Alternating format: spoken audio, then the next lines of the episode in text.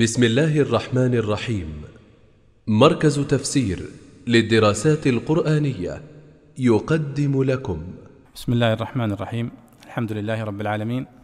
وصلى الله وسلم وبارك على سيدنا ونبينا محمد وعلى آله وصحبه أجمعين. اللهم علمنا ما ينفعنا وانفعنا بما علمتنا. وارزقنا الإخلاص والسداد في القول والعمل. هذا هو المجلس التاسع والسبعون من مجالس التعليق على تفسير الإمام البيضاوي رحمه الله. واليوم هو الأحد الخامس من شهر جمادى الأولى من عام 1437 للهجرة. انتهينا في اللقاء الماضي من التعليق على كلام البيضاوي رحمه الله في تفسير آية الكرسي ويعني ختم البيضاوي حديثه عن آه، الآية ببعض الفوائد لعلي أقرأها على يعني بشكل سريع. يقول وهذه الآية مشتملة على أمهات المسائل الإلهية ويعني تعلق يعني ذكر بعض الفوائد ثم ذكر فضائل هذه الآية. وفضائل آية سورة أو آية الكرسي فضائل ثابتة وصحيحة وهي كثيرة.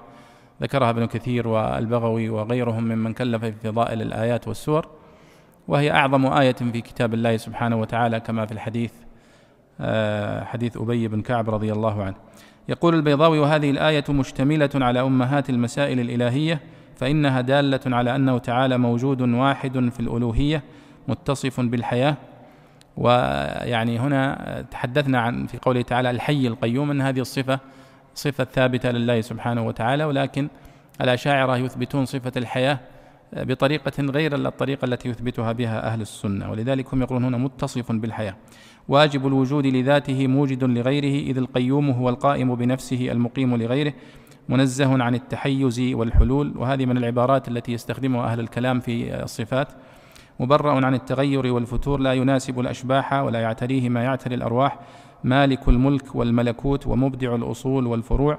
ذو البطش الشديد الذي لا يشفع عنده إلا من أذن له عالم الأشياء كلها جليها وخفيها كليها وجزئيها.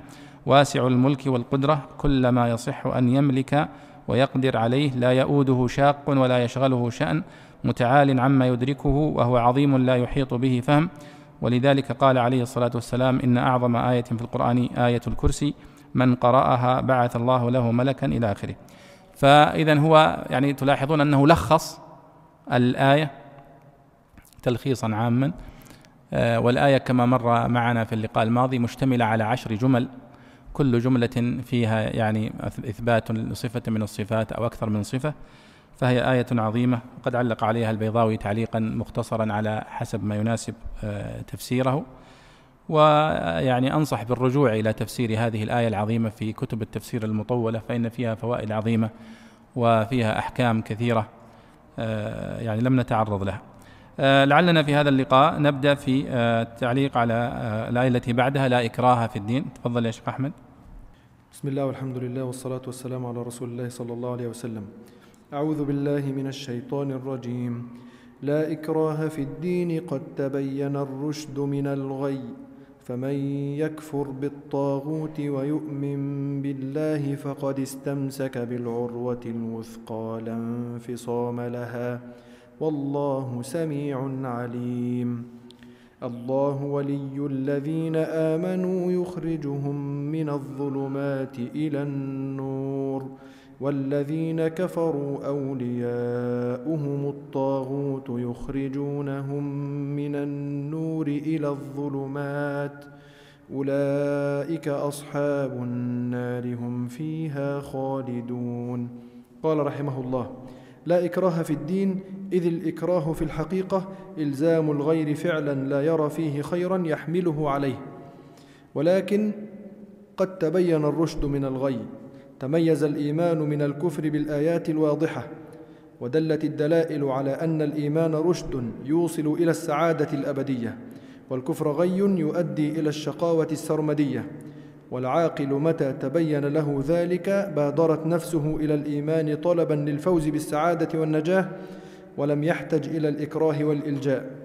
وقيل إخبار في معنى النهي أي لا تكرهوا في الدين وهو إما عام منسوخ بقوله جاهد الكفار والمنافقين واغلظ عليهم أو خاص بأهل الكتاب.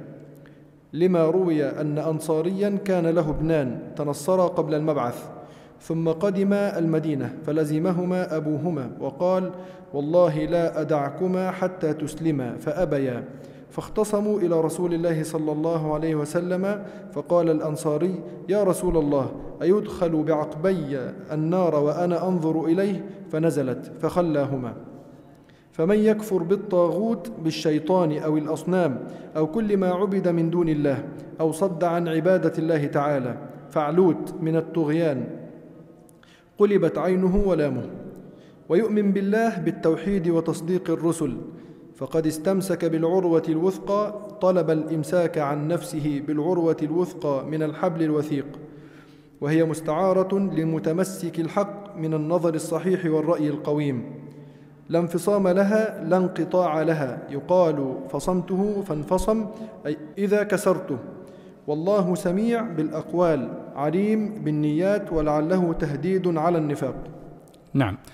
آه هذه الآية العظيمة لا إكراه في الدين قد تبين الرشد من الغي. فمن يكفر بالطاغوت ويؤمن بالله فقد استمسك بالعروة الوثقى. لا انفصام لها والله سميع عليم. من الآيات العامة القواعد القرآنية العظيمة التي تبين أن اعتناق الدين. طبعا الآية هنا لا إكراه في الدين المفسرون يشيرون إلى المقصود به الدين الإسلام يعني. ولكن هي أيضا في حقيقتها هي عامة بمعنى أنه أي دين أو أي معتقد لا يصلح الإكراه عليه لأن القلوب أمرها خفي.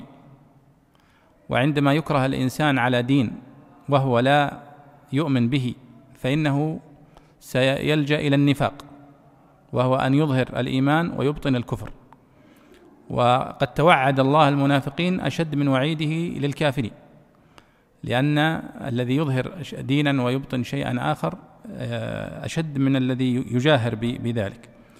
يقول البيضاوي لا إكراه في الدين إذ الإكراه في الحقيقة إلزام الغير فعلا لا يرى فيه خيرا يحمله عليه فهو سوف يطاوعك خوفا أو طمعا أو أو لأي سبب من الأسباب حتى يجاريك. لماذا؟ قال الله سبحانه وتعالى قد تبين الرشد من الغي؟ يعني فيما يتعلق بالإسلام تميز الإيمان من الكفر بالآيات الواضحة والحجج البينة ودلت الدلائل على أن الإيمان رشد بكل ما فيه من تفاصيل وعلى أن الكفر غي بكل ما فيه من من تفاصيل. فالله يقول لا إكراه في الدين قد تبين الرشد من الغي. هنا يقول البيضاوي وقيل يعني هذا لا إكراه في الدين هو خبر. كقولنا يرحمك الله يا شيخ. آه، والوالدات يرضعن أولادهن حولين كاملين. كنا قلنا أن هذا هذا خبر ولكنه المقصود به الأمر يعني لترضع الوالدات أولادهن حولين كاملين. فهو أمر لكنه جاء على صيغة الخبر. وذكرنا أن الأمر إذا جاء على صيغة الخبر فإنه يكون أبلغ في الدلالة على الأمر. مثله هنا لا إكراه في الدين. قال بعض المفسرين أن المقصود بها النهي يعني لا تكره أحدا على الدين. ثم قال البيضاوي كلمة مهمة قال وهو إما عام منسوخ يعني لا إكراه في الدين. هل هو على عمومه؟ أنه لا يجوز الإكراه على الدين مطلقا؟ طيب ماذا تقولون في المرتد مثلا؟ أليس المرتد إذا ارتد يجبر على أن يعود للإسلام أو يقتل؟ طيب هذا إكراه. فكيف نقول هنا لا إكراه في الدين؟ ولذلك يقول هنا البيضاوي وهو إما عام منسوخ بقوله تعالى جاهد الكفار والمنافقين واغلظ عليه أي حتى يسلموا مع أن الاستدلال بهذه الآية على أنها هي الناسخة ليس دقيقا. أو أنه خاص يعني ليس عاما منسوخا وإنما هو في أصله عام مراد به الخصوص خاص بأهل الكتاب لما روي أن أنصاريا كان له ابنان تنصرا قبل المبعث ف ثم قدم المدينة فلازمهما أبوهما يعني أمسك بهما وقال والله لا أدعكما حتى تسلما. فأبيا فاختصموا إلى الرسول صلى الله عليه وسلم فقال الأنصاري يا رسول الله يدخل بعقبي النار وأنا أنظر إليه يعني بأولادي. فنزلت الآية فخلاهم. طيب هذا القول هل هي آية فعلا عامة على عمومها لا إكراه في الدين أم أنها منسوخة؟ بمثل قوله تعالى جاهد الكفار والمنافقين واغلظ عليهم أو بالحوادث التي كانت مثل الإكراه على المرتد للعودة في الإسلام. أو أن المغ... أنها خاصة أصلا عامة مراد بها الخصوص وهم أهل الكتاب خاصه أو الذين يقبل منهم الجزية. كل من كان لهم دين يقبل منهم فيه الجزية لا يجوز إكراههم على الدين. هذه المسألة. الطبري رحمه الله تكلم بكلام جميل في هذه المسألة. يعني ودي أن أقرأ عليكم لأن فيه آه، يعني منهجية جميلة في الاختيار وفي الترجيح. فيقول آه، الطبري رحمه الله قال اختلف أهل التأويل في معنى ذلك فقال بعضهم نزلت هذه الآية في قوم من الأنصار. كان لهم في رجل منهم كان لهم أولاد قد هودوهم أو نصروهم فلما جاء الله بالإسلام أرادوا إكراههم عليه. فنهاهم عن ذلك حتى يكونوا هم يختارون الدخول في الإسلام. هذا قول. القول الثاني وقال آخرون بل معنى ذلك لا يكره أهل الكتاب على الدين إذا بذلوا الجزية ولكنهم يقرون على دينهم لا يكرهون. وقالوا الآية في خاص من الكفار. هذا القول الثالث. ولم ينسخ منها شيء. وقال آخرون هذه الآية منسوخة. وإنما نزلت قبل أن يفرض القتال والجهاد. ثم قال وأولى هذه الأقوال بالصواب قول من قال نزلت هذه الآية في خاص من الناس. وقال عنا بقوله تعالى ذكره لا إكراه في الدين أهل الكتابين والمجوس. وكل من جاء إقراره على دينه المخالف دين الحق وأخذ الجزية منه. وأنكروا أن يكون شيء منها منسوخا. واضح الكلام؟ كلام الطبري. إذن يختار لا إكراه في الدين هي عام مراد به الخصوص. أي لا إكراه في الدين لمن كانت تقبل منهم الجزية. واضح؟ لماذا اختار هذا القول؟ قال وإنما قلنا هذا القول أولى الأقوال في ذلك بالصواب لما قد دللنا عليه في كتابنا له كتاب آخر مفقود الطبري. كتاب لطيف من البيان عن أصول الأحكام. من أن الناسخ غير كائن ناسخا إلا ما نفى حكم المنسوخ فلم يجز اجتماعهما. وهذه قاعدة معروفة أنه لا يجوز القول بنسخ آية من القرآن إلا إذا ثبت الدليل بنسخها. ما هو إذا ما عرفت تجمع بين الآيتين قلت منسوخة؟ لا.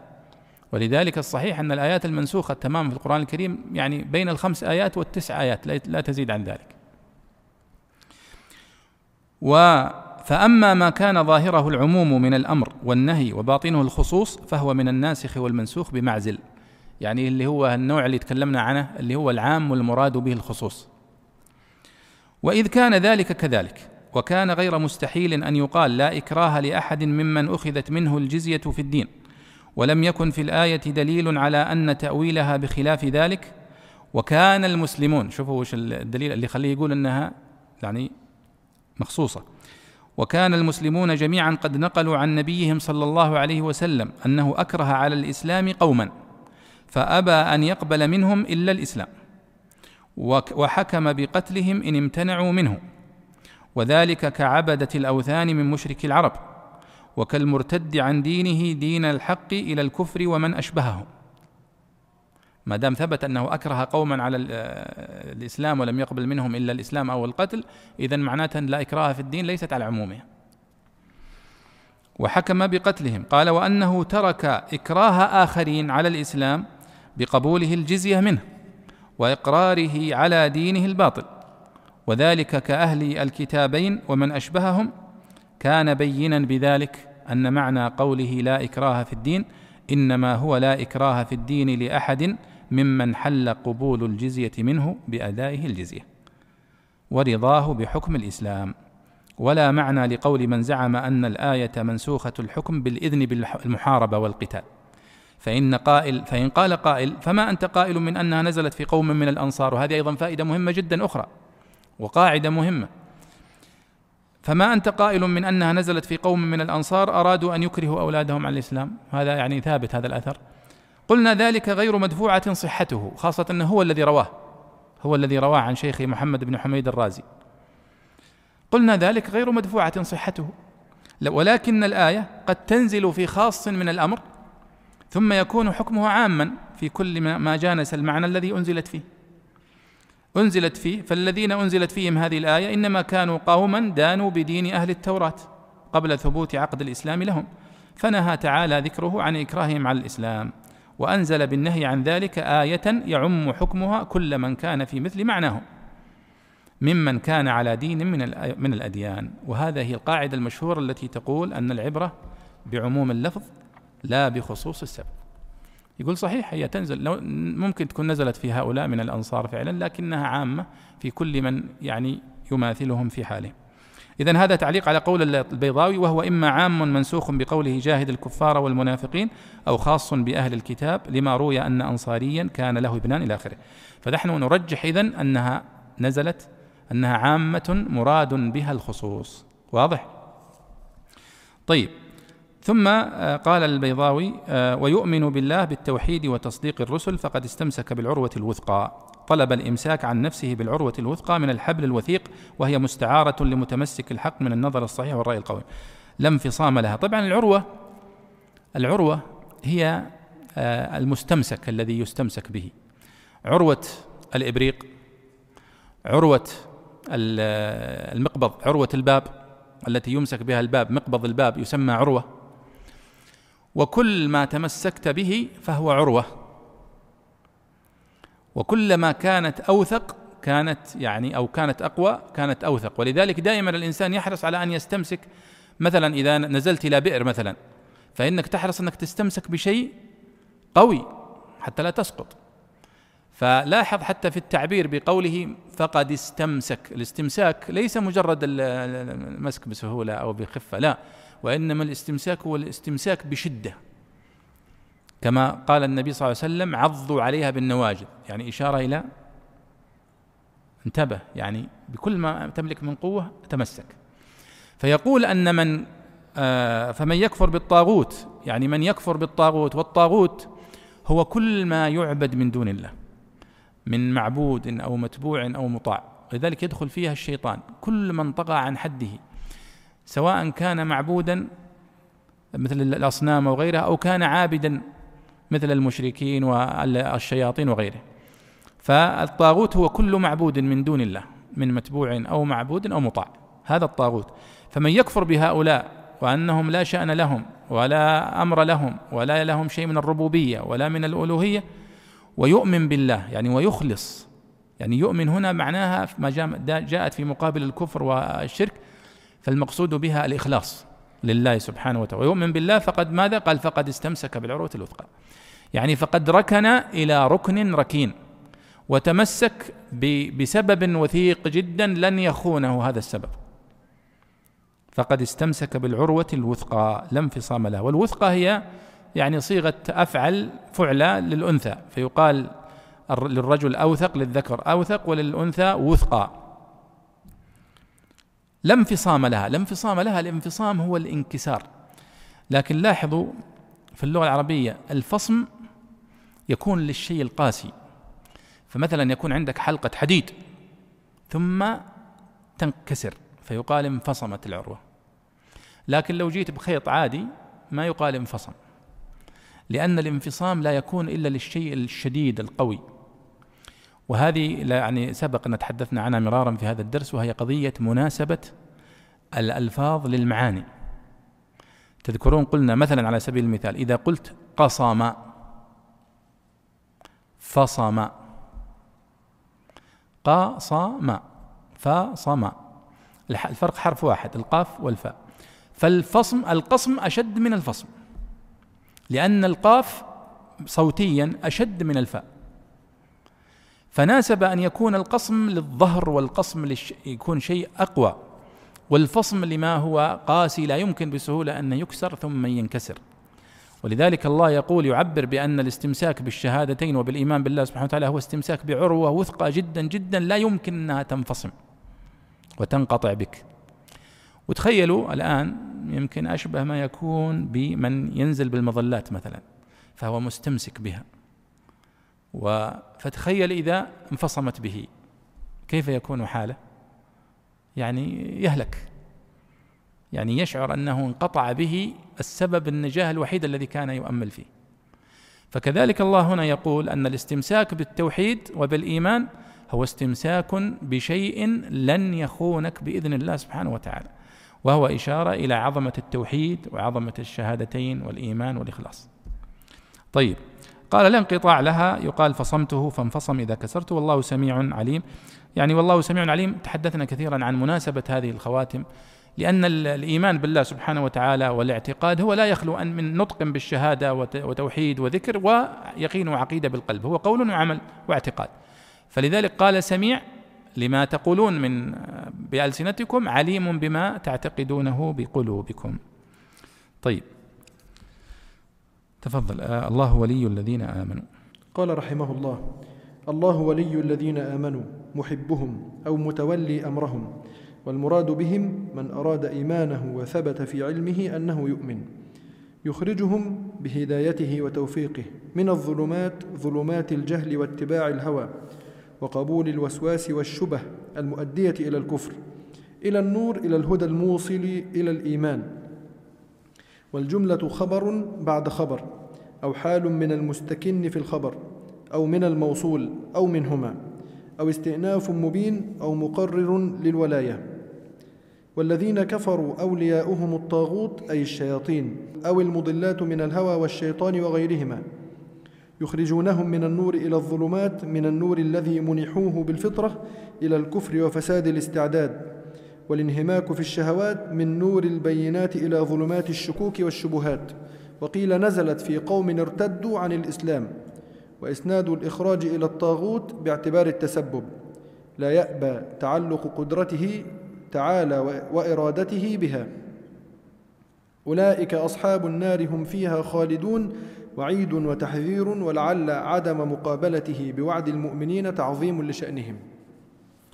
نعم أيضا هذه الآية أيها الإخوة فيها مقابلة والمقابلة في القرآن الكريم كثيرة.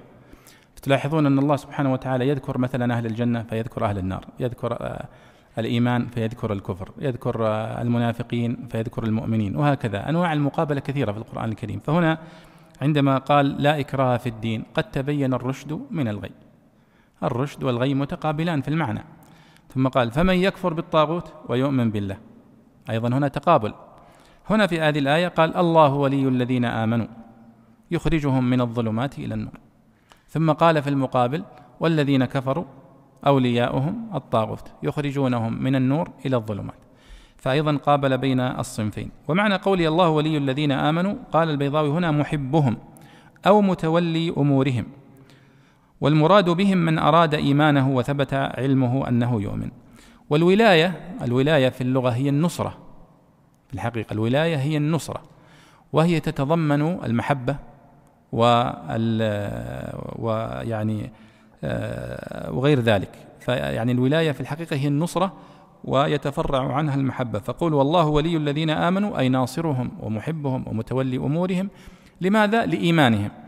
وهذه في القرآن الكريم كثيرة أن الله سبحانه وتعالى يذكر الناس بالصفات التي استوجبت هذا الثواب أو استوجبت العقاب. حتى نعرف أن هذا الثواب بسبب هذه الصفة. فهو يقول هنا الله ولي الذين آمنوا. ما معنى هذا الكلام؟ معناه أنه تزداد ولايته سبحانه وتعالى للمؤمن بحسب إيمانه. فكلما قوي إيمان المؤمن كلما زادت ولاية الله له ونصرته له حتى لا يتسلط عليه أحد ولا يغلبه أحد. ولذلك قال الله في الحديث القدسي من عادى لي وليا. فقد آذنته بالحرب. ويعني ولي يعني مقرب مرة. فهو نفس المعنى هنا في قوله الله ولي الذين آمنوا. أسأل الله أن يجعلنا وإياكم من أوليائه المتقين. ويعني قد ذكر الله من هم أولياءه الحقيقيون في سورة يونس فقال ألا إن أولياء الله لا خوف عليهم ولا هم يحزنون؟ الذين آمنوا وكانوا يتقون. هذا هو الولي. قال يخرجهم من الظلمات إلى النور. يخرجهم بهدايته وتوفيقه من الظلمات ظلمات الجهل صحيح واتباع الهوى صحيح وقبول الوساوس والشبه المؤدية إلى الكفر صحيح. وأيضا أكبر ظلمة ممكن أن يخرجهم منها من الكفر نفسه. فإن الله سبحانه وتعالى إذا أراد بعبده خيرا هداه وأخرجه من ظلمة الكفر إلى ظلمة الإيمان. فكان بهذا ولاية له. فيقول الله ولي الذين آمنوا تلاحظوا هنا أنه جمع الظلمات فقال يخرجهم من الظلمات ثم قال إلى النور ولم يقل يخرجهم من الظلمات إلى الأنوار. قال إلى النور إلى الهدى الموصل للايمان والجملة خبر بعد خبر أو حال. وطبعا الحكمة منها كما هي يعني ثابت أن لأن الظلمات والظلمات كثيرة طرق الضلال كثيرة وطرق الكفر كثيرة. وخطوات الشيطان كثيرة ومتنوعة لكن طريق الحق واحد. ولذلك نحن دائما نقول اهدنا الصراط المستقيم. والله يقول ولا تتبعوا السبل فتفرق بكم عن سبيله فمعناها معنى هذه الآية مكرر في القرآن الكريم كثير أن طريق الإيمان وطريق الجنة طريق واحد لا يتعدد أما طريق طرق الضلال فهي كثيرة. قال والذين كفروا أولياؤهم الطاغوت أي الشياطين أو المضلات من الهوى والشيطان وغيرهما. يخرجونهم. لاحظ أولياؤهم الطاغوت مفرد. يخرجونهم. كيف تجي؟ قال يخرجونهم من النور الذي منحوه بالفطرة إلى الكفر وفساد الاستعداد والانهماك في الشهوات أو من نور البينات إلى ظلمات الشكوك والشبهات. وقيل نزلت في قوم ارتدوا عن الإسلام وإلى آخره. وإسناد الإخراج للطاغوت باعتبار التسبب لا يأبى تعلق قدرته تعالى وإرادته. أولا قوله يخرجونهم والذين كفروا أولياءهم الطاغوت يخرجونهم. لأن الطاغوت هنا اسم جنس يعني الطواغيت المقصود بها. والذين كفروا أولياءهم الطواغيت لكنه قال الطاغوت إشارة إلى أنهم جنس متعدد. ومتشابه في إضلاله وفي طريقة إغوائه. كما قال الله سبحانه وتعالى تشابهت قلوبهم. وكما قال أتواصوا به لا بل هم قوم طاغون. فهم يتشابهون في وسائل الإضلال. فقال أولياءهم الطاغوت ثم جمع قال يخرجونهم أي هؤلاء الطواغيت من من النور إلى الظلمات. وأيضا آه، في قوله يخرجونهم من النور إلى الظلمات نفس المعنى. من النور من نور الإيمان من نور العلم من نور اليقين من نور إلى الكفر الشبهات النفاق إلى آخره. ثم قال أن الإسناد إلى الطاغوت قوله يخرجونهم من النور إلى الظلمات ليس معناها أن هذا ليس بتقدير الله وليس بإرادة الله لا. بل هذا كله بإرادة الله وبعلمه ولكنه ذكر أن الطواغيت هؤلاء هم المتسبب في هذا فنسبه إليهم. أولئك أصحاب النار هم فيها خالدون وهذا وعيد طبعا ولعل عدم مقابلته بوعد المؤمنين تعظيم لشأنهم. يعني أنه ختم الآية فقال أولئك أصحاب النار هم فيها خالدون تعليقا على حال الكفار الذين خرجوا من الظلمات إلى النور. ولم يذكر ما يقابله من حال المؤمنين لأن كأنه معروف أن أولئك أصحاب الجنة هم فيها خالدون. فهذا معنى كلام البيضاوي. طيب نقرأ في ألم تر إلى الذي حاج إبراهيم في ربه؟ أعوذ بالله من الشيطان الرجيم. ألم تر إلى الذي حاج إبراهيم في ربه أن آتاه الله الملك؟ إذ قال إبراهيم ربي الذي يحيي ويميت قال أنا أحيي وأميت. قال إبراهيم فإن الله يأتي بالشمس من المشرق فأت بها من المغرب فبهت الذي كفر والله لا يهدي القوم الظالمين أو كالذي مر على قرية وهي خاوية على عروشها قال أنا يحيي هذه الله بعد موتها فأماته الله مئة عام ثم بعثه قال كم لبثت قال لبثت يوما أو بعض يوم. قال بل لبثت مئة عام فانظر إلى طعامك وشرابك لم يتسنه وانظر إلى حمارك ولنجعلك آية للناس. وانظر إلى العظام كيف ننشزها ثم نكسوها لحماً. فلما تبين له قال أعلم أن الله على كل شيء قدير. قال رحمه الله ألم تر إلى الذي حاج إبراهيم في ربه؟ تعجيب من محاجة نمروذ وحماقته. أن آتاه الله الملك لأن آتاه أي أبطره إيتاء الملك وحمله وحمله على المحاجة. أو حاج لأجله شكرا على طريقة العكس. كقولك عاديتني لأني أحسنت إليك. أو أو وقت أن آتاه الله الملك. وهو حجة على من منع إيتاء الله الملك الكافر من المعتزلة. إذ قال إبراهيم ظرف لحاج. أو بدل من أن آتاه الله الملك على الوجه الثاني. ربي الذي يحيي ويميت بخلق الحياة والموت في الأجساد. وقرأ حمزة ربي بحذف الياء. قال أنا أحيي وأميت بالعفو عن القتل وبالقتل. وقرأ نافع أنا بلا ألف. قال إبراهيم فإن الله يأتي بالشمس من المشرق فأت بها من المغرب. أعرض إبراهيم عليه الصلاة والسلام عن الاعتراض على معارضته الفاسدة إلى الاحتجاج بما لا يقدر فيه على نحو هذا التمويه دفاعا للمشاغبة. وهو في الحقيقة عدول عن مثال خفي إلى مثال جلي من مقدوراته أن ي... من مقدوراته التي يعجز عن الإتيان بها غيره. لا عن حجة إلى أخرى ولعل نمروذ زعم أنه يقدر أن يفعل كل جنس يفعله الله فنقضه إبراهيم بذلك.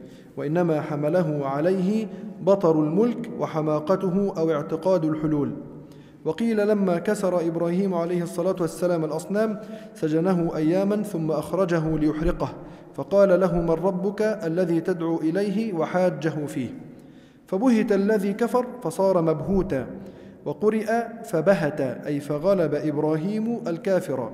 والله لا يهدي القوم الظالمين الذين ظلموا أنفسهم بالامتناع عن قبول الهداية. وقيل لا يهديهم محجة الاحتجاج أو سبيل النجاة. أو طريق الجنة يوم القيامة. نعم طبعا هذه الآية أيضا تعود بنا إلى قصة إبراهيم عليه الصلاة والسلام. تقدم معنا يعني إبراهيم عليه الصلاة والسلام في أكثر من موضع من سورة البقرة. فهنا يقول الله سبحانه وتعالى ألم ترى ومر معنا الأسلوب هذا ألم ترى يعني أن المقصود بها ألم تعلم والرؤيا كما تعلمون تأتي الرؤيا بمعنى الرؤيا البصرية وتأتي بمعنى الرؤيا القلبية. الرؤيا القلبية يعني اللي هي بمعنى علم. رأيت الله أكبر كل كل شيء وهي يعني تتعدى إلى مفعولين أو ثلاثة. فهنا يقول ألم ترى يا محمد إلى الذي حاج إبراهيم في ربه؟ يعني كأنها قصة عجيبة. تعجيب من محاجة نمرود وحماقته. ألم ترى إلى الذي؟ هذا أسلوب من أساليب العرب في آه، التعجب من قصة. آه، أما رأيت إلى هذا الرجل؟ أما سمعتم إلى هذا الرجل؟ يعني كما كأنه استعجب من قصته. ونمرود هذا طبعا هو ملك من ملوك بابل. يعني يعني يذكرون في التاريخ أنه كان من الملوك الكبار الذين ملكوا مشارق الأرض ومغاربها وهو الذي كان إبراهيم يعني في في عهده. آه ما هي قصته؟ قال أنه حاج إبراهيم في ربه. يعني هو قال إبراهيم من ربك أنت اللي تدعو إليه؟ فذكر أنه الله سبحانه وتعالى الخالق وذكر بعض الصفات. قال ربي الذي يحيي ويميت. وتذكرون أن ذكرنا أن في في قصة أو في سورة البقرة مر معنا أكثر من موضع فيه قصة الإحياء والإماتة الإحياء والإماتة. صح يا شيخ منصور؟ ما أدري أنت رجعت لها ولا ما أمدك كويس. فيعني آه وردت في أول السورة آه كيف تكفرون بالله وكنتم أمواتا فأحياكم ثم يميتكم ثم يحييكم. وردت بعد ذلك آه فأخذتهم الصاعقة وأنتم تنظرون ثم بعثناكم من بعد موتكم لعلكم تشكرون. مرت أيضا في قصة البقرة نفسها. قلنا اضربوه ببعضها كذلك يحيي الله الموتى. ومرت في آه، في قصة ألم تر إلى الذين خرجوا من ديارهم وهم ألوف حذر الموت فقال لهم الله موتوا ثم أحياهم. وأيضا تأتي معنا هنا ألم تر إلى الذي حاج إبراهيم في ربه أن آتاه الله الملك. يعني استغراب وتعجب من قصة هذا الرجل الملك الذي حاج إبراهيم في ربه أن آتاه الله الملك. يعني كأنه يقول بدل ما يشكر النعمة اللي هو فيها وهو ملك يروح يحاجج في في الألوهية ويقول أنا الله الله ليس له وجود وليس جديرا بالعبادة. وكأنه يعني كأنه يقول أنت عاديتني لأني أحسنت إليك. فالله يقول يحاجج في في في الإله لأننا آتيناه الملك. هذا معنى قول البيضاوي لأن آتاه أي أبطره. إيتاء الملك وحمله على المحاجة. أو حاج شكرا له على طريقة العكس كقولك عاديتني لأني أحسنت إليك. إلى آخره. وإذ إذ قال إبراهيم ظرف دائما في القرآن واذكر إذ يعني وإذ قال ربك وإذ وإذ هي كلها دائما وإذ منصوبة مفعول به على بفعل مقدر تقديره واذكر إذ. طيب قال إذ قال إبراهيم ربي الذي يحيي ويميت. يعني أول دليل يستدل به إبراهيم ورأى أنه من أعظم الأدلة على أن الله هو الخالق الإله الذي يستحق العبادة وحده أنه يحيي ويميت. قال ربي الذي يحيي ويميت. وتذكرون أن موسى لما سأله فرعون قال من ربكما يا موسى؟ قال ربنا الذي أعطى كل شيء خلقه ثم هدى.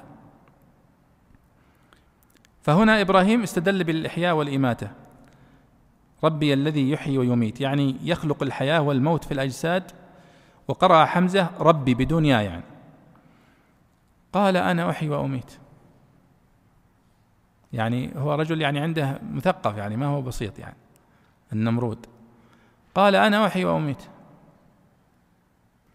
لاحظوا الآن فيه فرق في بين مفهوم الحياة عنده وعند إبراهيم. إبراهيم يقصد الحياة التي نعرفها يعني أن الله سبحانه وتعالى يخلق الحياة في الأجسام التي الرميم. يحيي الميت ويخلق الحي من الميت ويخرج الحي. لكن هذا المتعالم يقول بسيطة هذه أنا أحيي وأميت. وعنده أنك أن تعفو عن شخص مستحق للقتل هذا إحياء. والله سبحانه وتعالى قد سماها. قال الله سبحانه وتعالى ومن أحياها فكأنما أحيا الناس جميعا. يقصد من أحياها يعني تركها حية وليس المقصود انه بعث فيها الحياة ما يستطيع هذا إلا الله سبحانه وتعالى. ولذلك قال لو لو اجتمعوا على أن يخلقوا ذبابا آه، أن يخلقوا ذبابا ولم ولو اجتمعوا له. فهذا يعني من خواص الألوهية. طيب الآن كان بإبراهيم كان من يعني بإمكان إبراهيم أن يجادل النمرود ويقول أنا لا أقصد بالحياة هذا. هذه الأحياء والإماتة بمفهومك أنت يستطيعها معظم الناس يعني. إنسان يستطيع أن يعفو عمن قتل يعني ابنه مثلا فيقول أنا أحييت ميت أو يأتي إلى شخص مسكين بريء ويقتله ويقول أنا أميت. ما أكثر الذين يميتون بهذه الطريقة حوادث السيارات وهذول كلهم زي النمرود نفس المنطق أنهم يقتلون الإنسان. قال إبراهيم وشوفوا هذا منهج جميل حتى في الجدل. يعني تجادل بعض الناس أحيانا في قضايا آه، قابلة للنقاش وحتى فيها نوع من ال من ال يعني المماحكة والجدل العقيم. قال إبراهيم فإن الله يأتي بالشمس من المشرق فأتي بها من المغرب. إبراهيم غير الموضوع خلاص. ما دام أن هذا منطقة وهذا تفكيره في قضية الإحياء والإماتة الله سبحانه وتعالى يخلق الحي من العدم. ويبعث الحياة في العدم كما في القصة التي ستأتي أيضا. ويميت سبحانه وتعالى ينزع الروح. من الذي يستطيع أن ينزع الروح إلا الله سبحانه وتعالى؟ قال إبراهيم فإن الله يأتي بالشمس من المشرق فأتي بها من المغرب. يلا. يلا كيف يجيب النمرود هذه؟ جاءت أصعب. ولذلك يحتاج الإنسان في المجادلة أن يكون ذكي يكون سريع البديهة. ما يعني يرتبك في المجادلة لأن الارتباك والضعف في مناطق في يعني مواطن المنازلة يربك الحق ويضعف الحق. وقد يجعل الذين يسمعون ويرون يقولون والله فعلا يا أخي هذا إبراهيم ذا غلطان. ما يعني فعلا نمرود كلام الصحيح. لكن إبراهيم جاء بحجة ما يستطيع أنه يتجاوزها. قال فإن الله يأتي بالشمس من المشرق فأتي بها من المغرب. قال الله سبحانه وتعالى فبهت الذي كفر. وبهت الذي كفر معناه أن فيه منظر قدامك لأنك تعرف الإنسان اللي أمامك إذا بهت بحجة ما يستطيع يردها خلاص آه، يسكت. هذا هو البهت البهت. ولذلك في قراءة أخرى فبهت الذي كفر يعني إبراهيم. برده هذا فبهت الذي كفر. خلاه يسكت ما عاد يقدر يتكلم. فبه فبهت الذي كفر. خلاص انتهت المناظرة. يعني كأن إبراهيم هنا قضى عليه بالضربة القاضية بهذه الطريقة. فيقول البيضاوي يقول أعرض إبراهيم عليه الصلاة والسلام عن الاعتراض على معارضته الفاسدة. إلى الاحتجاج بما لا يقدر فيه على نحو هذا التمويه دفعا للمشاغبة. ما عندنا وقت أصلا نجلس نضيع الوقت. وهذا يعني أسلوب الحجاج في القرآن الكريم آه، مفيد جدا لمن يتعرض للمجادلة الآن والمناظرة في المجامع العامة وفي التلفزيونات وفي القنوات الفضائية. لازم تكون أدلتك جاهزة وإذا جاءتك مثل هذه الأدلة المشاغب الغرض منها المشاغبة تجاوزها. إلى أدلة لا يمكن للخصم أن يردها. ثم أيضا المفترض أنك ترتب أدلتك على حسب قوتها.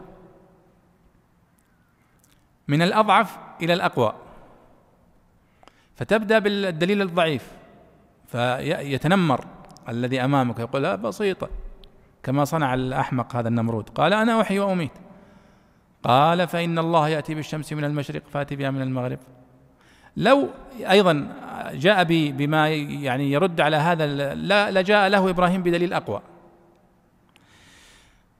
قال وهو في الحقيقة عدول عن مثال خفي إلى مثال جلي من مقدوراته التي يعجز عن الإتيان بها غيره لا عن حجة إلى أخرى.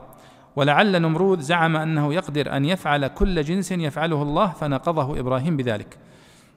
وإنما حمله عليه بطر الملك وحماقته أو اعتقاد الحلول. وقيل لما كسر إبراهيم عليه الصلاة والسلام الأصنام سجنه أياما ثم أخرجه ليحرقه. فقال له هذا الكلام من ربك الذي تدعو إليه وحاجه فيه؟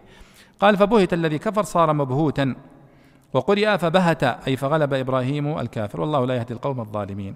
إذا هذه يعني آية أيضا مهمة جدا فيها أول شيء الاستدلال على الكفار والملحدين وفيها أيضا طريقة المحاجة وفيها أيضا قوة إبراهيم عليه الصلاة والسلام في المحاججة والمجادلة. والله قد ميز إبراهيم بهذا فقال وتلك حجتنا آتيناها إبراهيم على قومه. كان قوي الحجة عليه الصلاة والسلام.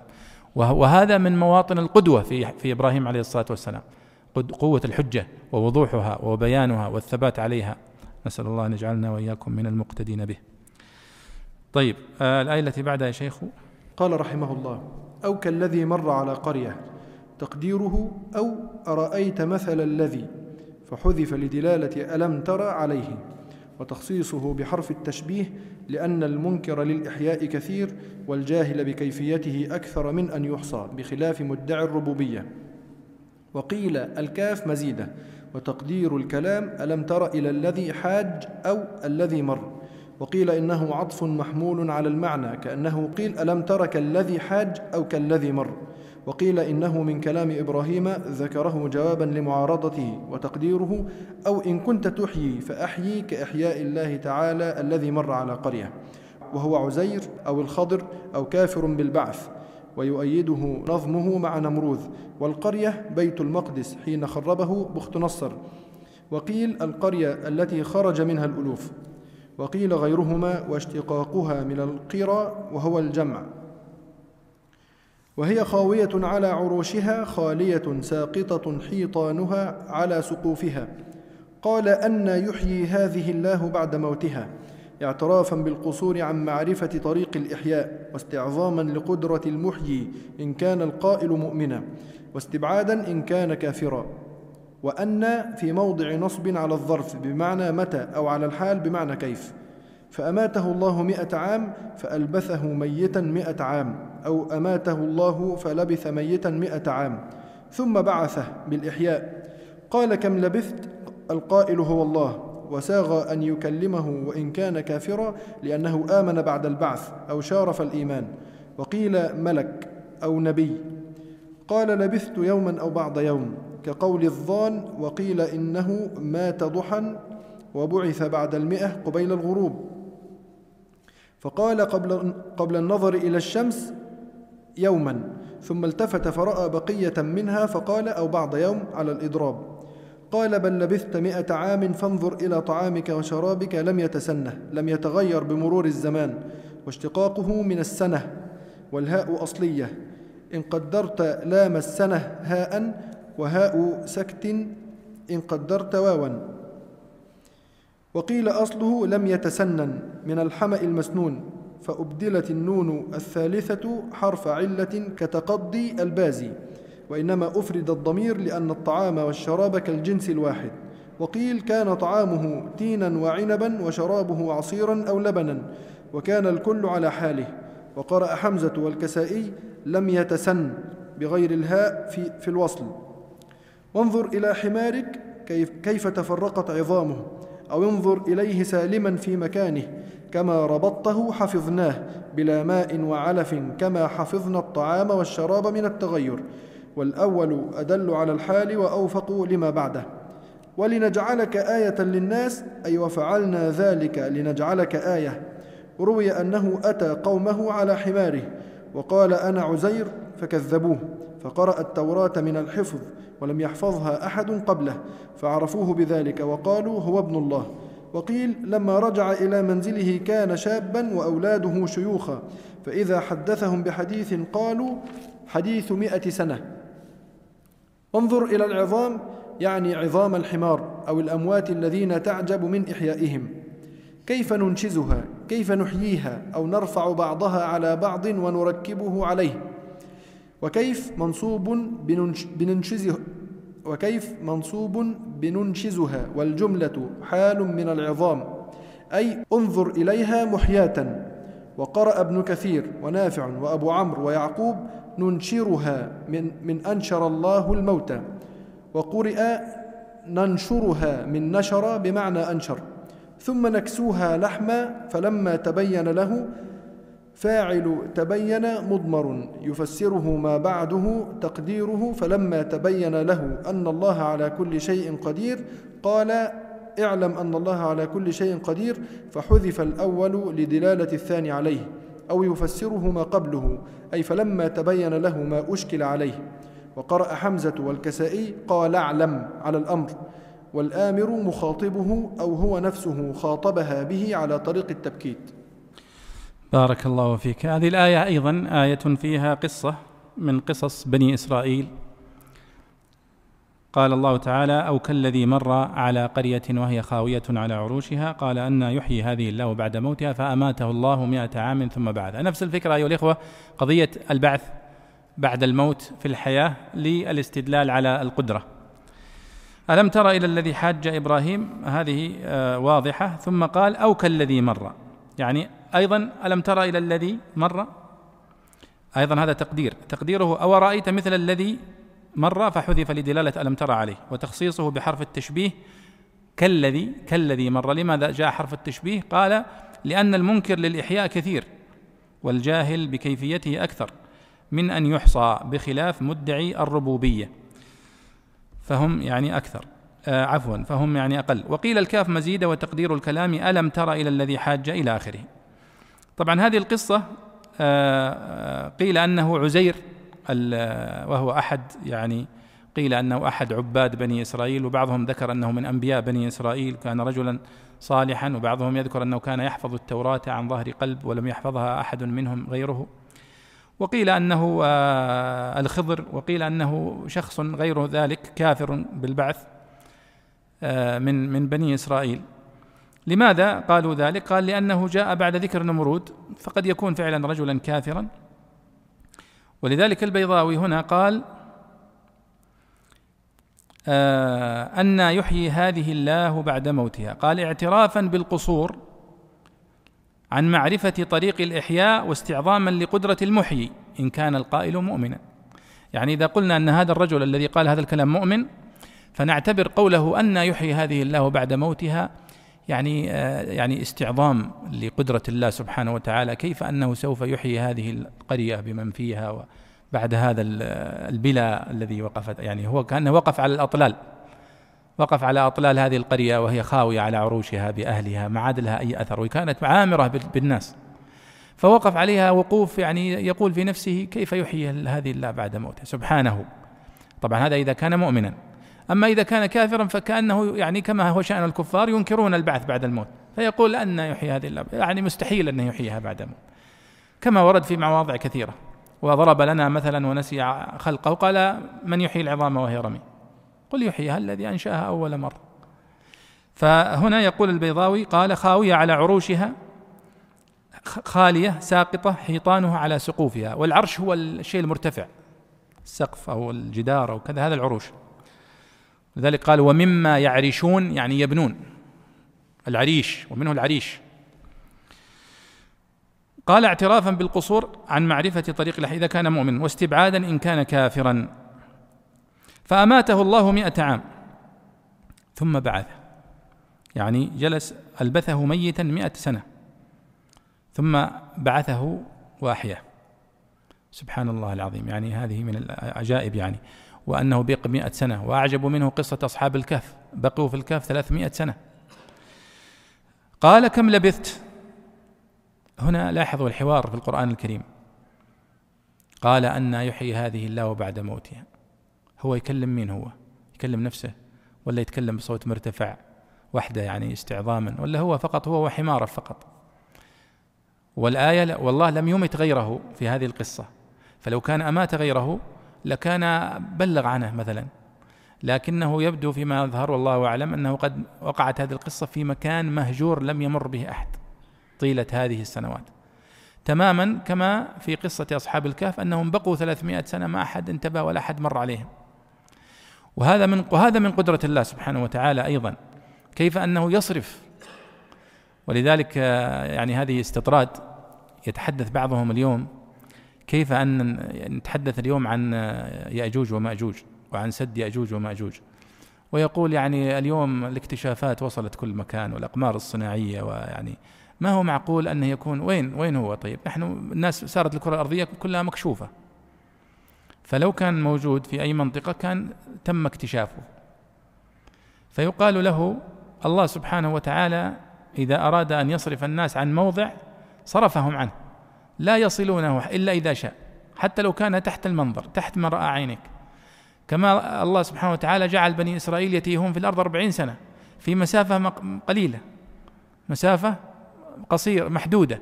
يمكن أنك تستطيع في فترة وجيزة تقطعها وتتجاوزها. وهم جالسين أربعين سنة يلفون حول أنفسهم في هذه المنطقة التي الله قدر أنهم لا يخرجون منها. قال إنها محرمة عليكم. أربعين سنة يتيهون في الأرض. وين يتيهون في الأرض؟ ما هو المقصود بها الأرض كلها لأن المعروف أنهم ما خرجوا من صحراء سيناء هذه.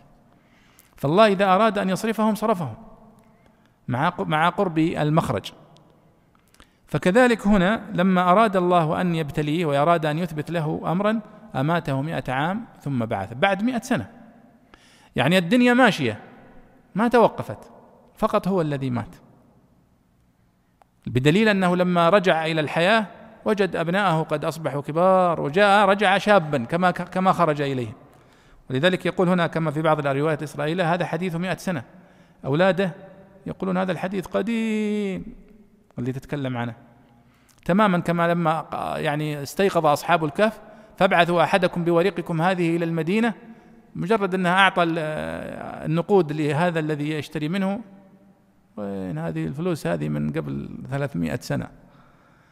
يعني زي اللي يجيك الآن ويعطيك درهم من العهد العباسي يقول أعطني مثلا خبز ولا مكتوب عليه هارون الرشيد هذا من فين؟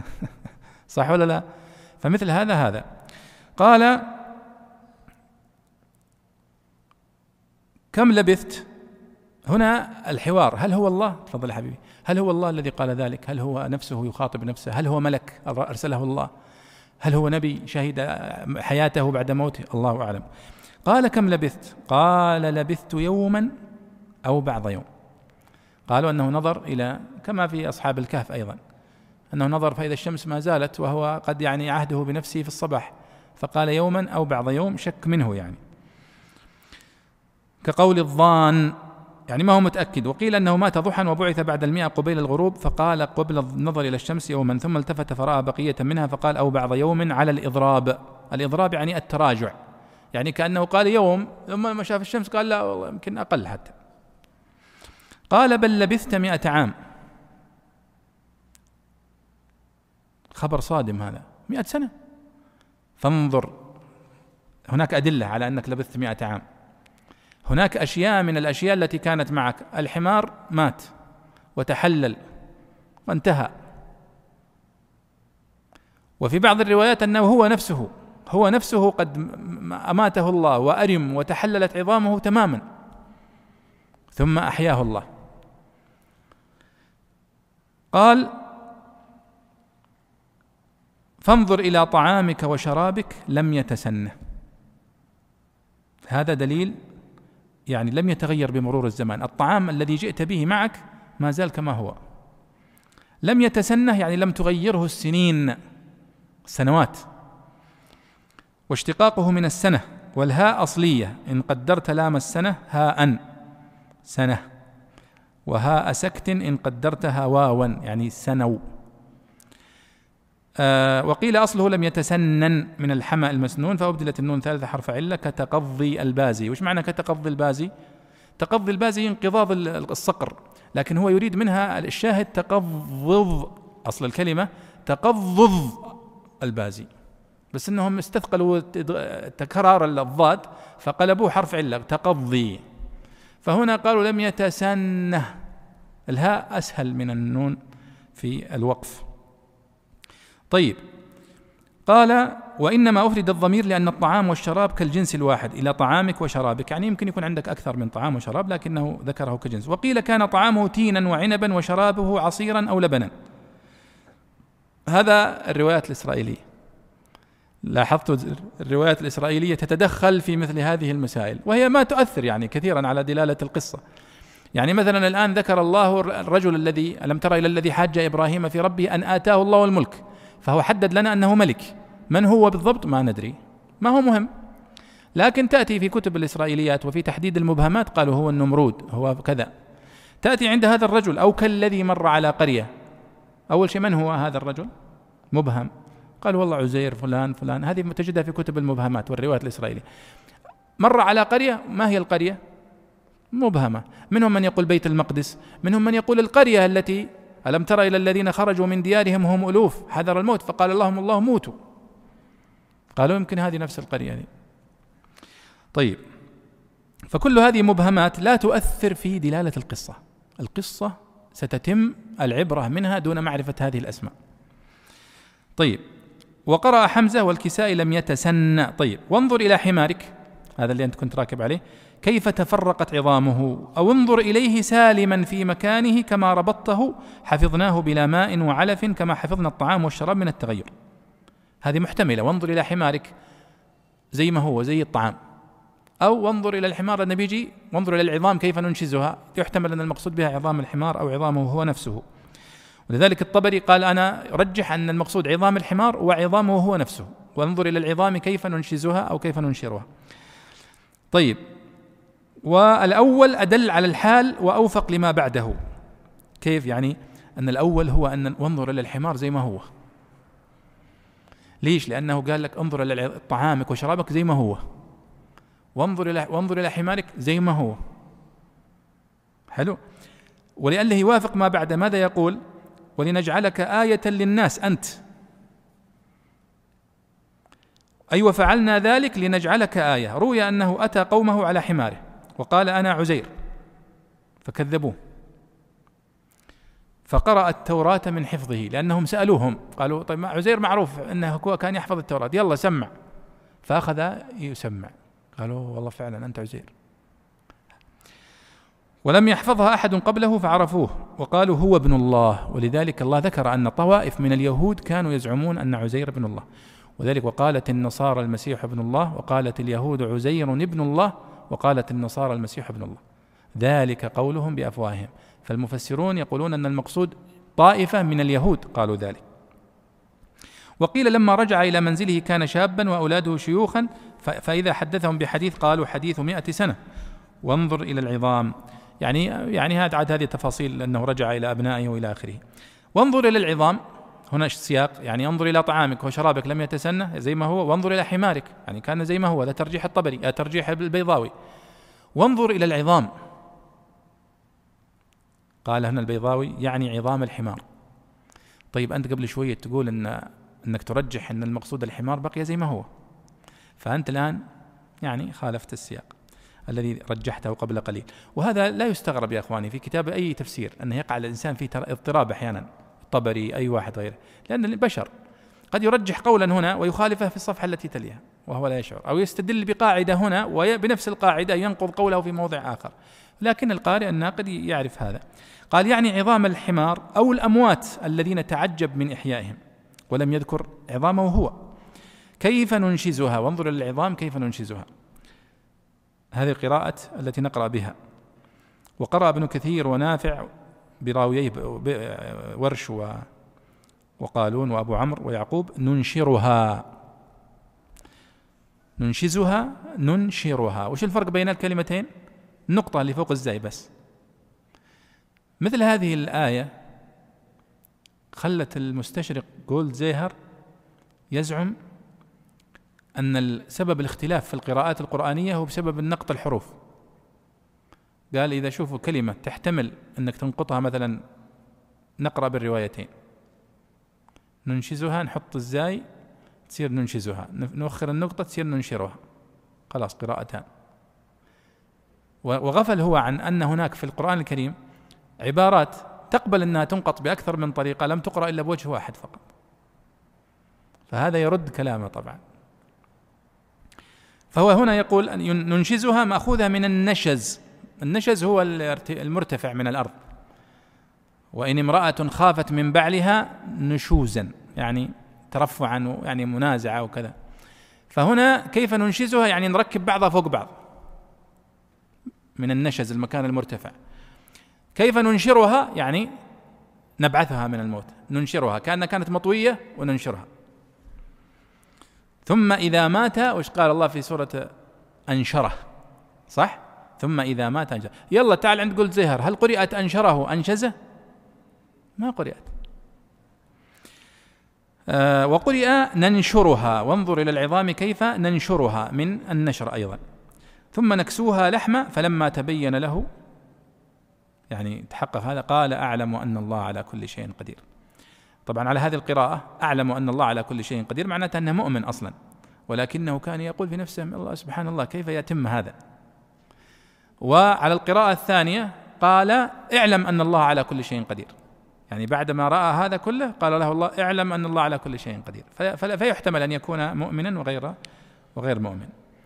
وقرأ حمزة والكسائي اعلم على الأمر والآمر مخاطبه أو هو نفسه خاطبها به على طريق التبكيت إذا هذه أيضا قصة هذا الرجل اللي كان عزير أو غيره الذي مر على هذه القرية وهي خاوية على عروشها على الأطلال فاستغرب واستعظم كيف يحييها الله سبحانه وتعالى. وكأنه تماما وستأتي قصة إبراهيم ربي أرني كيف تحيي الموتى. النفوس دائما لديها هذا السؤال قديم يعني كيف يحيي الله الموتى؟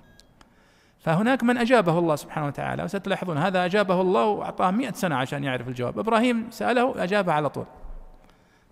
نعود إلى الآية أيها الإخوة ورد معنا موضعان فيهما قراءات.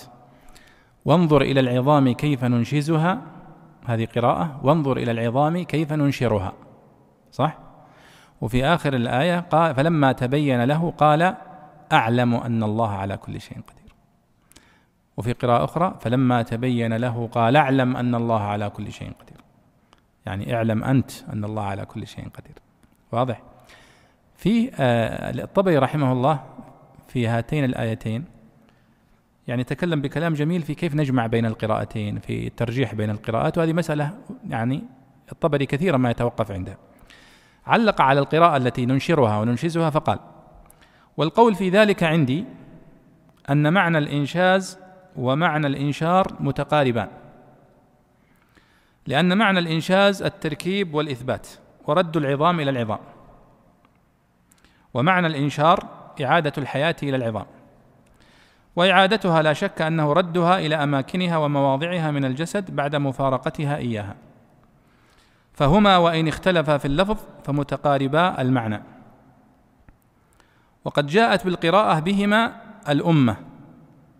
مجيئا يقطع العذر ويوجب الحجة. يعني يقول كل القراءتين متواترة. فبأيهما قرأ القارئ فمصيب. لانقياد معنييهما.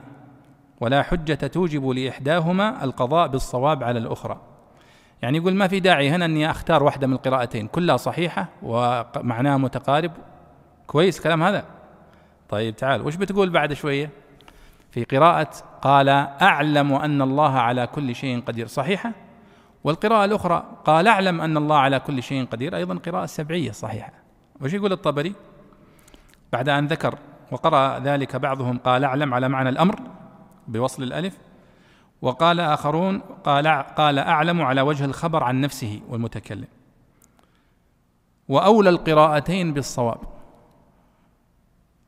في ذلك قراءة من قرأ أعلم بوصل الألف وجزم الميم. على وجه الأمر من الله تعالى ذكره للذي قد أحياه بعد من مات. بالأمر بأن يعلم أن الله الذي أراه بعينيه ما أراه من عظيم قدرته وسلطانه من إحيائه إياه وحماره بعد موت مئة عام وبلائه حتى عاد كهيئتهما يوم قبض أرواحهما وحفظه عليه طعامه وشرابه مئة عام حتى رده عليه كهيئته يوم وضعه غير متغير. أن الله على كل شيء قادر كذلك. فهو يرجح القراءة التي قال اعلم أن الله على كل شيء قادر. طيب الطبري جميل ومميزاته أنه ما يتركك يقول أنا اخترت هذا الرأي. وما لا ويقول لماذا اخترته؟ قال وإنما اخترنا قراءة ذلك كذلك وحكمنا له بالصواب دون غيره.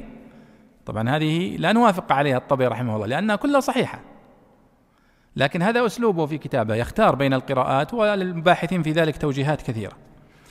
قال وحكمنا عليه بالصواب دون غيره لأن ما قبله من الكلام أمر من الله تعالى ذكره قولا للذي أحياه الله بعد مماته وخطابا له به. وذلك قوله فانظر إلى طعامك وشرابك لم يتسنى وانظر إلى حمارك وانظر إلى العظام كيف ننشزه. فلما تبين ذلك له جوابا عن مسألته ربه أن يحيي هذه الله بعد موتها قال الله له اعلم أن الله على كل شيء قدير. للذي فعل هذه الأشياء على ما رأيت على غير ذلك من الأشياء قدير كقدرته على ما رأيت وأمثاله كما قال تعالى ذكره لخليله إبراهيم عليه الصلاة والسلام بعد أن أجابه عن مسألته إياه في قوله رب أرني كيف تحيي الموتى واعلم أن الله عزيز حكيم. لاحظت كيف يرجح الطبري ويختار يعني يقول الله يقول بالآية التي بعدها لإبراهيم بعد ما وراه واعلم أن الله عزيز حكيم. فكذلك نحن نرجح أن هنا قال اعلم أن الله على كل شيء قدير. فأمره فأمر إبراهيم بأن يعلم بعد أن أراه كيفية إحيائه الموتى أنه عزيز حكيم. فكذلك أمر الذي سأل فقال أن يحيي هذه الله بعد موتها بعد أن أراه كيفية إحيائه إياها أن يعلم أن الله على كل شيء قدير. إذا لاحظوا الطبري رحمه الله هنا كيف أنه في موضع يقول لا نحتاج نرجح بين القراءتين.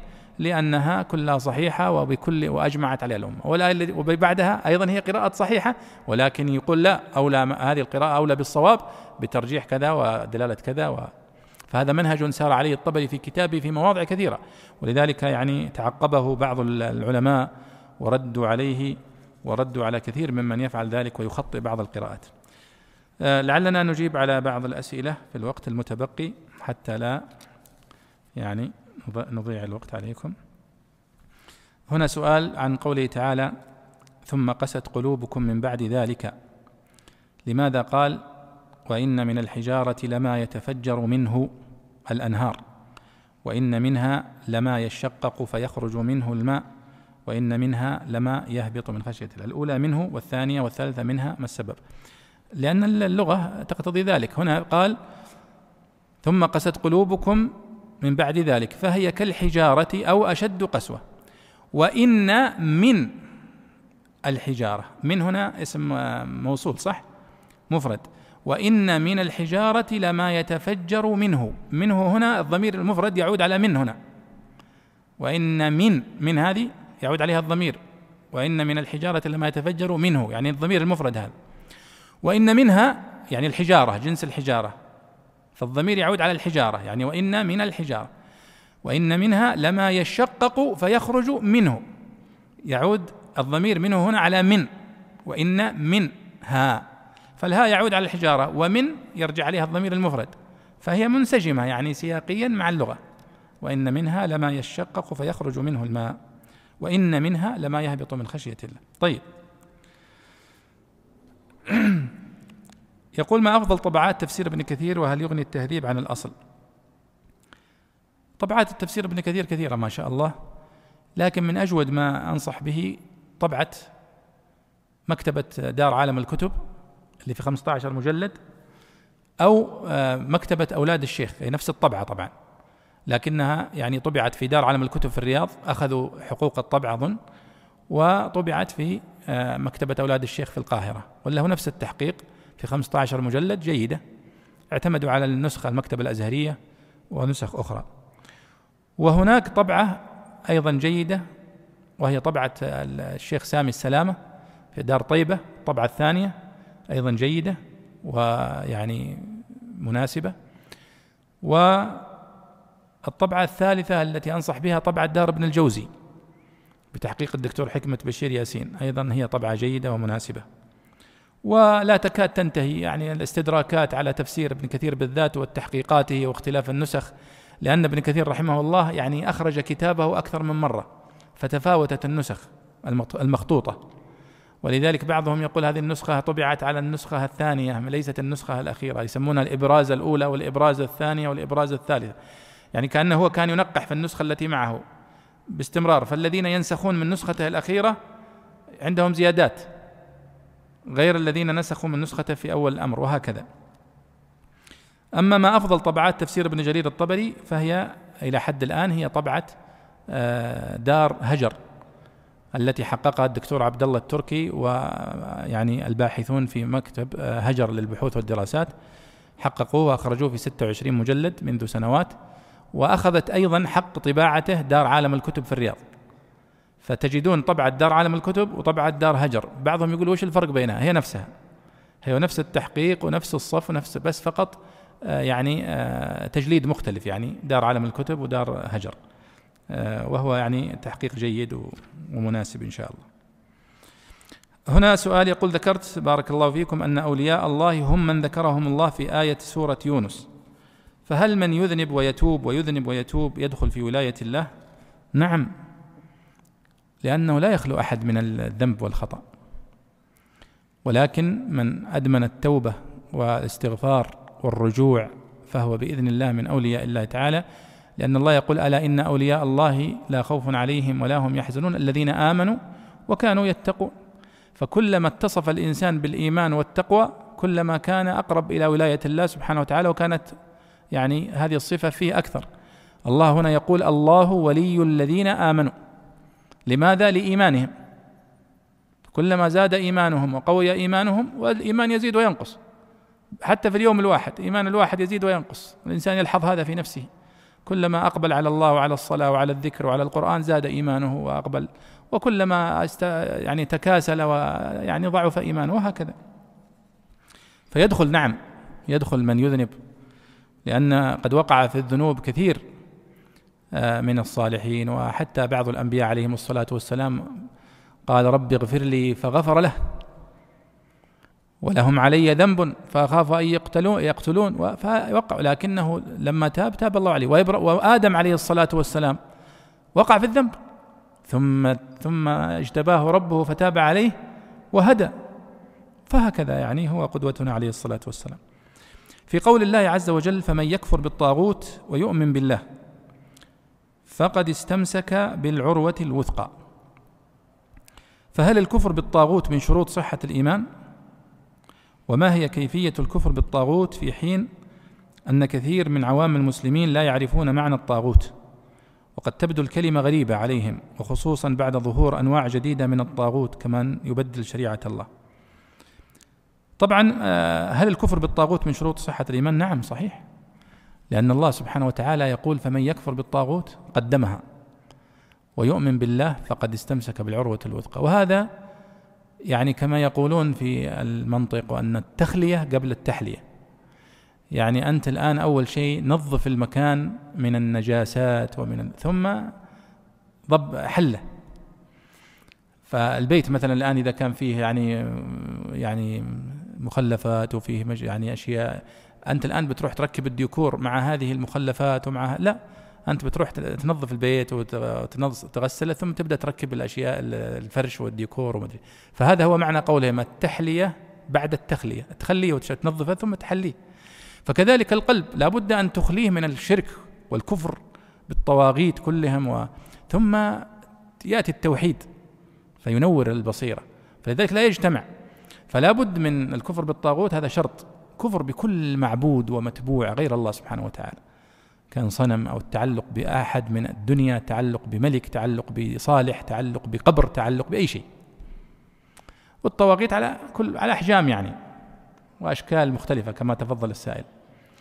فهنا نقول صحيح أن هذا السؤال صحيح أنه لا بد أن يكفر الإنسان بالطاغوت بكل أشكاله والطاغوت اسم جنس كما قلنا يدخل فيه كل متبوع وكل مطاع من من دون الله سبحانه وتعالى. ويعني هذا لعله يدعو إلى التعليق على مسألة ذكرها البيضاوي ما ذكرناها وهي يعني قد تكون مسألة استطرادية لكنها مهمة وأنا كنت أعددت لها هنا جوابا آه، فيما يتعلق بقوله هنا آه، الطاغوت هو على وزن صح؟ فعلوت صح؟ قال هنا فعلوت من الطغيان قلبت عينه ولامه. طاغوت على وزن فعلوت. قلبت عينه ولامه. على وزن آه، فعلوت قال.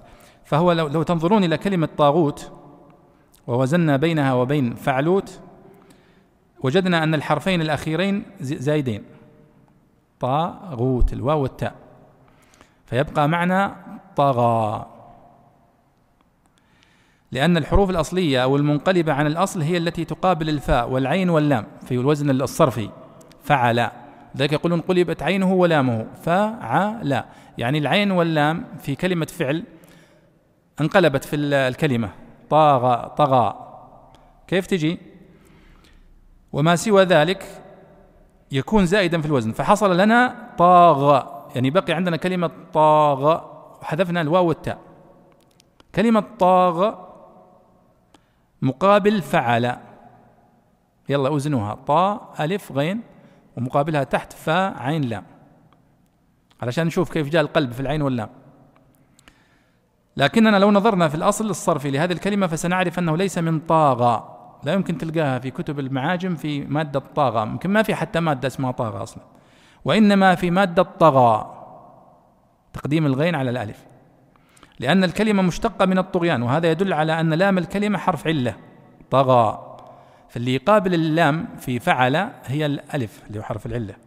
فلما وجد علماء اللغة ذلك استدلوا به على أنه قد حصل في هذه الكلمة قلب مكاني. بدل ما صار طاغ صار طغى. تقدمت الغين وتأخرت الألف. فنقلت الغين إلى مكان حرف العلة في آخر الكلمة وجعل حرف العلة في الوسط. وبهذا يتضح لنا أن أصل الكلمة طغوت طغوت على وزن فعلوت. بضم الواو لأنها على وزن فعلوت زي ما قال البيضاوي. ولكن ضم الواو مستثقل في كلام العرب. ولا يمكنهم هنا نقل حركة الواو إلى ما قبلها لأن ما قبلها متحرك طغاووت والحرف لا يحتمل حركتين لازم حركة واحدة.